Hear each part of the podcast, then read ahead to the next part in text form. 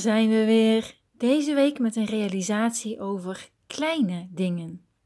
Letterlijk of figuurlijk. Want ik heb het gevoel dat we soms allemaal grote dingen en succesvolle dingen zoeken en willen. Maar we vergeten soms dat alles klein begint en tijd nodig heeft om te groeien en om succesvol te worden. En dat is jammer, want daardoor hebben we niet altijd het geduld dat we zouden moeten hebben en geven we denk ik te snel op, waardoor we iets niet de kans geven om uit te groeien tot iets heel moois. En daarom wil ik vandaag even stilstaan bij hoe mooi een klein begin is en dat ook al is iets klein, we niet op moeten geven. Ik zag deze week een kort filmpje over de groei van een plantenzaadje. Het zaadje is zo klein en dat moest ook heel goed verzorgd worden. En het duurde ook heel lang voordat er überhaupt iets uit de grond kwam. En toen er eindelijk een steeltje opkwam, duurde het nog langer voordat de vruchten aankwamen. Het was echt een lang proces. Maar toen er eindelijk bloemen en vruchten aankwamen, genoot iedereen er ook echt enorm van. En zo is het eigenlijk met alles in de natuur en in het leven. Alles begint klein en heeft tijd nodig om uit te groeien tot iets groters. En ook in het geloofsleven. Want soms vragen we ons af waarom dingen niet al beter gaan of makkelijker gaan of niet al verder zijn.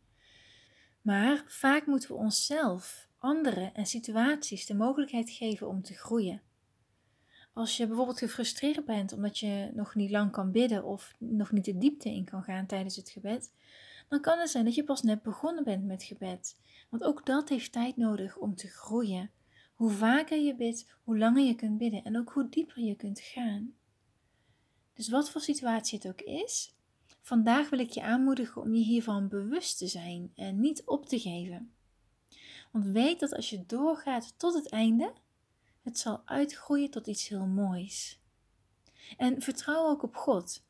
Weet dat als je Gods weg volgt, God bij je is en Hij je zal helpen. Dus hoe ontmoedigend de situatie ook mag zijn, geef niet op. Denk maar eens aan de Israëlieten die net uit Egypte waren gekomen. In die tijd sprak God tot hen via Mozes. We lezen dat in Leviticus hoofdstuk 26, vers 3, 4 en 9. Hier zegt God namelijk: Als u in mijn verordeningen wandelt en mijn geboden in acht neemt en ze houdt, dan zal ik u op zijn tijd regen geven, zodat het land zijn opbrengst zal geven en de bomen van het veld hun vruchten zullen geven. Ik zal mij naar u toewenden, u vruchtbaar en talrijk maken en mijn verbond met u bevestigen. Dus hoe deprimerend de situatie er ook uitzag, God gaf hen de belofte dat als ze zich aan zijn geboden zouden houden, hij hen zal helpen en welvarend zou maken. En degenen die hierop vertrouwden, hebben Gods belofte waarheid zien worden. En zo zijn er nog veel meer voorbeelden in de Bijbel. Abraham bijvoorbeeld, hij was in het begin alleen, maar zijn volk groeide door Gods belofte uit tot duizenden. En een ander voorbeeld zijn de volgelingen in de tijd van Jezus. In die tijd waren er nog niet zoveel volgelingen, denk aan de twaalf discipelen.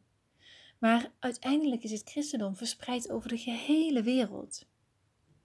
Op deze manier begint alles klein. Dus laten we niet neerkijken op kleine dingen en niet teleurgesteld zijn of opgeven. Maar vertrouw op God. Ga door tot het einde en weet dat dan betere tijden zullen komen. En dan wil ik je vandaag nog extra aanmoedigen door niet alleen tot het einde te gaan, maar door tot het einde te gaan vol passie. Dus niet doorgaan tot het einde met tegenzin of neergeslagen, maar met passie en vol enthousiasme en goede moed. Dat is moeilijk, maar door passie en je enthousiasme ontvang je de kracht om door te gaan en dan is het ook leuk. Dus ik daag je uit om dat te doen. Ik ga er in ieder geval zelf mee aan de slag. Tot volgende week weer.